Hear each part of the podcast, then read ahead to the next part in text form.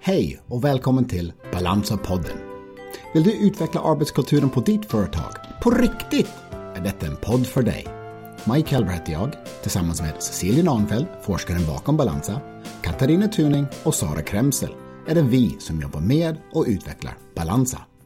I denna podd kommer vi prata om arbetskultur, företag, arbetsplatsen och människor på jobbet. Vi utgår från Cecilias forskning och annan forskning på området. Varmt välkomna till Balansa-podden. Hej och välkommen till Balansa-podd. Balansa-podden, vad säger vi? Vad säger man? Är det podd eller podden? Vad säger man? Podden. Podden. Från Värmland säger Cecilia. Vad säger skåning? Podden. Podd. och jag som verkar om pod. The podcast. Uh, välkommen hit Mike Helber tillsammans med Cecilia Nahnfeldt och Katarina Tuning. Uh, och vi pratar ju, uh, vi ska prata konkret den här gången. Vi vill prata om um, hur man ska sätta sig i en bra position, vad man måste börja tänka på, hur man ska förbereda och vad man ska göra när man väl har kommit tillbaka. det som vi har döpt om det till den, nya, den nya normala eh, arbetssättet. Um, Cecilia, välkommen hit. Tack så mycket. Katarina, välkommen. Tack. Har du fått kaffe med fika idag? Jag håller på. Cecilia, du har ju faktiskt tagit fram tre olika delar som blir väldigt, väldigt viktigt att man uh, sätter fokus på. Mm. Kan du beskriva det du har kommit fram till? De tre sakerna som man behöver bearbeta när man kommer tillbaka till sin arbetsplats till det nya normala eller det helt uh, kanske ja, den gamla arbetsplatsen på ett nytt sätt det är att man behöver hantera att alla har varit utsatta för virushot, fast på olika sätt. Man har varit i distansering, fast på olika sätt och det har haft olika konsekvenser. Och alla har varit i någon typ av omställning av arbete eller, eller sammanhang kring arbetslivet har, har varit ändrade på lite olika sätt. De tre sakerna, det behöver man hantera. Hantera, vad, vad menar du med det? Ja, man behöver prata om det i arbetslaget för att alltså, lyfta det på ytan, hantera det så att man kan lägga det som erfarenheter bakom sig och gå mot det nya normala. Men, men har vi inte pratat om det? Det enda vi har gjort är ju att prata om de här olika delarna. Absolut, men inte just tillsammans med alla på jobbet när vi har setts. Okej. Okay. Mm. Och det är något särskilt det där när man ses igen. Och det ska tillbaka till någonting som inte är riktigt som det har varit förut. Och när du menar ses igen, mm. alltså är det gamla teamet eller i nya team? Ja, det, det, kan, det, alltså det är snarare arbetsplatsen är densamma. Men det kan vara lite nya konstellationer. Men det kan också vara samma gamla vanliga gäng som ses igen. Menar du då att varje individ i en arbetsgrupp ska kunna prata igenom de här tre olika delarna? Ja, det tror jag man behöver göra. Vi har varit i en existentiell kris som har varit väldigt konkret. Då finns det några saker man behöver reflektera kring för att göra det till erfarenheter som man sen kan liksom man kan förhålla sig till det på ett annat sätt. Så att energin inte går åt till att hantera och bearbeta det. Utan man måste någonstans göra en slags bokslut på det för att kunna inleda en ny period. Och virushotet är ju ett hot mot livet och det, innebär, det är den existentiella dimensionen i det. Och där har man varit lite olika nära. En del har varit sjuka själva eller haft nära anhöriga som varit svårt sjuka eller kanske till och med erfarenheten av någon som är död. Och andra kanske mer har varit förskonade från det. Får jag backa där? Ja. Så du pratar om eh, jag som tack och lov har inte alls haft det. Mm. Den, behöver jag också prata om det eller, eller ska jag på något sätt bara släppa iväg det hela? Alltså man behöver tala om att nej, men jag var förskonad. Så att man kan placera sig själv i historiens berättelse så att säga. Men man behöver också lyssna. Alltså när man samtalar tillsammans, det är ju inte bara att jag berättar min berättelse. Jag lyssnar också till andras berättelse. Och till slut så blir ju det här gängets eller teamets berättelse också.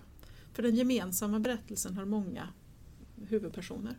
Och hela, hela grundtanken är att prata om det, lyssna på varandra, reflektera tillsammans för att sen släppa det och gå vidare. Ja, precis. För att då har man gjort det. Ofta så är upplevelsen av att åh vad skönt att ha berättat, nu vet ju jag att de andra vet. Sen kommer man säkert att prata om det i lite olika sammanhang, men man har gjort det här tillsammans. Och det innebär att energin som i övrigt finns, det kan man rikta framåt. Det behöver inte ägnas energi åt bakåt eller åt sidan eller liksom förhålla sig på lite olika sätt för att man inte vet om varandra. Så virushotet har varit det här hotet mot livet. Distanseringen, det har varit den här förändringen i det interpersonella eller interaktiva mellan olika personer. Och du säger distanseringen, du säger inte social distansering? Nej, därför att vi har varit sociala fast kanske på nya sätt och på andra sätt och med lite ändrade avstånd. Det har varit en fysisk distansering och det är den jag utgår ifrån alltså virushotet är fysiskt, distanseringen är fysisk och omställningen av arbete har också i många lägen varit fysisk. Väldigt mycket av de existentiella förändringarna är fysiska, materiella omställningar. Den Existentiella frågor är inte filosofiska frågor som är tankar som svävar omkring. Och, och den här måste vi prata om. Det här behöver vi prata om. Varför? Därför att upplevelser är en sak. Men för att upplevelser någonstans inte ska ta all energi för att bearbetas i det så behöver man reflektera, gärna tillsammans för då har man flera personer till, till, som resurser till en själv också och att man kan få höra andras berättelser och man får lite perspektiv på sitt eget. Då kan det så småningom göras till en erfarenhet som man lägger till sina handlingar inte som ett CV, men däremot till, som, som en del av ens egen erfarenhetsbas för livet. Och som man drar nytta av när man ska göra nya val framåt. Och det är det vi ska göra nu framåt. Kan distanseringen, alltså de diskussioner som kommer upp där, kan det också leda till att vi har haft ett arbetssätt som vi ska bära med oss, som är värt att bevara och utveckla. Vi har också sett mm. att vi har haft tidigare arbetssätt som vi kan förkasta. Mm. Men vi måste prata om hur vi har upplevt det innan vi kan göra bedömningar vad vi ska behålla eller förkasta. Så eh, innan vi har gjort det till erfarenhet så kan vi inte riktigt göra bedömningen, kloka bedömningar kring vad är det vi nu lär oss av det här? Vad är det vi behåller? Vad är det vi inte behåller? Så vi, man behöver den här typen av reflektionstid och det här kan man göra på en ganska begränsad tid för att sen ta stegen vidare. Det behöver inte ta hela hösten att bearbeta det här var och en på sin kammare. Det här kan man göra tidigt på hösten. Om vi nu säger då att vi kanske är tillbaka 15 augusti allihopa och gör någonting. Så, så har man ett antal insatser och sen är man ganska så klar med den gemensamma reflektionen. Men leker med tanken ett företag som har haft det jättetufft ekonomiskt. Vi måste ut, vi måste sälja, vi måste tjäna pengar. Vi har inte tid för det här. Vad, vad skulle du säga till en sån chef eller verksamhet? Mm. Man behöver ju väga olika saker mot varandra, vad man tycker sig ha tid med. Men om man förstår att man behöver, att det här är ett sätt att samla energi, att kraftsamla så att energin går till rätt saker. Och så ser man att jaha, nej men det här kanske tar tre träffar med gruppen. Ja, en, två timmar beroende på hur stor gruppen är då kanske det är ekonomiskt alldeles utmärkt i relation till att man jobbar hela hösten och var och en håller på att jobba med sina bearbetningar hit och dit och det tar någon, någon energi går ut av någon outgrundlig anledning och jag skulle säga anledningen är att man har inte hanterat det här tillsammans. Och det du egentligen säger, som om man tittar inom räddningstjänsten, inom all blåljuspersonal liknande så har mm. den debriefing. Mm. Alltså är det här en annan form av debriefing för att kunna släppa och gå vidare? Ja, både ja och nej. En, en, debriefing är till för att hantera en akut kris ja. och att verkligen det som händer när man gör en, den typen av akutinsats det är att man också tappar minnesbilder och då kan man hjälpas åt att lägga ett, ett minnespussel. Det behöver man inte här. Så det är inte en debriefing i den meningen. Utan det här handlar om att eh, det är mer av att samla ihop ett team så att man kan dra nytta av varandra på nya sätt. Därför att när man kommer tillbaka nu efter de här veckorna och de här erfarenheterna som personer haft på olika sätt. Vi är inte riktigt, riktigt samma personer som kommer tillbaka. Vi behöver hitta varandra igen och det kan man göra med den här typen av gemensamma samtal. Och vi har valt de här existentiellt tydliga, viktiga erfarenhetsbaserna där vi har gemensamma erfarenheter. Det här handlar om en reflektion och i den meningen så, är, så är liknar det debriefingen. Det, det är en slags reflektion. Men det är en reflektion över mer av normalhändelser. Så. Och de här tre sakerna, virushotet, distanseringen, omställning av arbete, det har egentligen alla eh, som en gemensam erfarenhet, fast det ser olika ut. Men det, det, man, man har liksom stått på olika platser och sett det från olika håll. Göra det här till erfarenheter gör att vi kan göra bedömningar för vårt arbete framåt på ett mycket bättre sätt. Och man kan också samla energin i ett team åt samma håll på ett annat sätt än vad man, vad man skulle göra annars. Så att, på ett sätt kanske en slags debriefing. Ja, det är, egentligen är det mer av teambuilding. Eller någonstans mitt emellan. Men det är också en riskminimering från företagets sida. Det är absolut en riskminimering från företaget därför att det innebär att man, har ett, man visar på ett väldigt konkret sätt att man hanterar den nya situationen, att man vill göra en ny situation, att man räknar med sina medarbetare som en viktig resurs och man gör det på en viss avsatt tid med en modell som fungerar för att kunna gå framåt.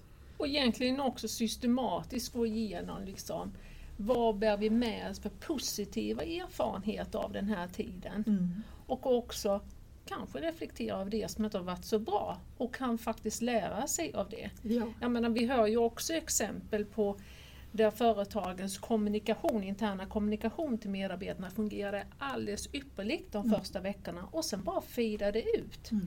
Och hur gör man för att säkerställa det långsiktigt och så vidare. Mm. Så det finns mycket att reflektera kring. Det finns jättemycket att lära och här handlar det inte om att ha gjort rätt eller fel därför att vi har varit i en helt ny situation, eller vi är i en helt ny situation. Utan vi ska göra det bästa möjliga av det. Och det kan man göra genom att systematiskt ta ett visst antal steg i det hela. Tack. Cecilia, kan du vara konkret? Du har ju en forskningsbakgrund, du ser saker och ting på ett litet annat perspektiv än många av oss andra. Och du har ju faktiskt kommit fram till ett antal saker som är ju väldigt, väldigt viktigt att vi tar hänsyn till när vi kommer till det nya normala. Jag har tagit fram de här tre områdena, virushot, distansering och omställning av arbete utifrån eh, forskning om existentiellt centrala områden för människor när man behöver reflektera över vad är det jag arbetar och ägnar mitt liv åt? Och vad har situationen faktiskt varit? Och de här är generella och gemensamma. Det finns individer som kommer att behöva en egen bearbetning också. Men det märker man ganska fort och det vet man förmodligen som chef också. Och det ska naturligtvis göras eh, och beredas möjlighet till det inom företagshälsovård och liknande. Och du har designat det här så vi kan jobba med chefscoaching, de chefer som behöver hjälp med detta, men också case-samtal som jobbar med hela arbetsgruppen. Ja. Vilket ger balanser, två olika möjligheter att hjälpa mm. samma företag om man är så intresserad. Ja. Det här är ju ett sätt att ta sina medarbetare på allvar som den resurs man har som består i ett, uh, på en arbetsplats. Där man kanske annars har lite fått begränsade resurser också. Men i varje person så handlar det om att man, man vill väldigt gärna tillbaka till jobbet och bidra med det på det normala sättet så gott det går i den här nya situationen som vi kommer ha när vi nu äntligen får komma tillbaka, och nu, när det nu blir. Nu nämner du komma tillbaka. Det finns ju de företag ja. som har rullat på jättemycket. Mm. Eh, där man har tagit in extra personal mm. och man har verkligen jobbat hur mycket som helst. Mm. Vården, omsorg naturligtvis, men det finns ju också andra branscher. Mm. Funkar det här på dem också? Behöver de också den här tiden? Ja, det behöver man. Därför man behöver en signal om att nu är det inte längre katastrofläge. Nu ska vi återgå till ett mer normalt läge behöver göra det kopplat också till en plan för återhämtning förstås. Hur ser man det här? Återhämtningen ligger inte inom den här processen men den här processen som vi tar här, det handlar om att forma ett team som ska gå framåt mot det nya normala.